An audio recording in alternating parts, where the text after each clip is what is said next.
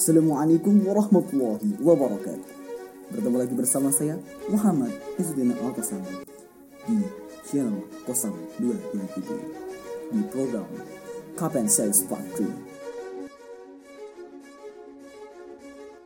Terlah-lahnya saya mengingatkan untuk kita terus belajar, belajar dan belajar karena kita masih belajar.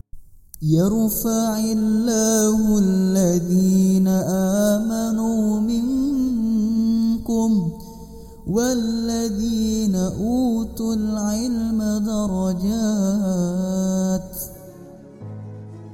Maka di kesempatan kali ini saya akan membacakan satu artikel dari muslimahnews.com penulis Ustadz Arfi Iskandar dengan judul Berhati-hatilah yang berpuasa pun bisa bangkrut di akhirat.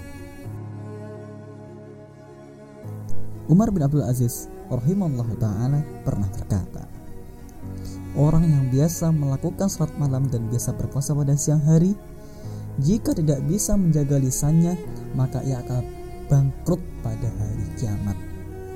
Ibnu Adil Bar At-Tamhid Pesan moral Orang bangkrut atau orang muflis kata Nabi Shallallahu Alaihi Wasallam adalah orang yang di akhirat nanti membawa pahala. Betul, ia membawa pahala, membawa seluruh amalnya. Tapi karena di dunia ia banyak memboleh orang lain, tidak bisa menjaga lisannya seperti gemar gosip, madu domba, menuduh orang lain tanpa bukti, sering mencaci maki orang lain, memakan hak harta orang lain. Maka pahala-pahala amalnya akan dipindahkan kepada orang yang ia dolimi. Jika pahala amalnya habis, dosa-dosa orang yang ia dolimi akan dipindahkan dan dibebankan kepada dirinya. Hadis riwayat Muslim nomor 4678. Semoga kita tidak termasuk orang-orang yang bangkrut di akhirat nanti. Allahumma amin. Dan semoga kita senantiasa dalam ketaatan, kesabaran, keistiqomahan, kebenaran dalam melakukan kebaikan.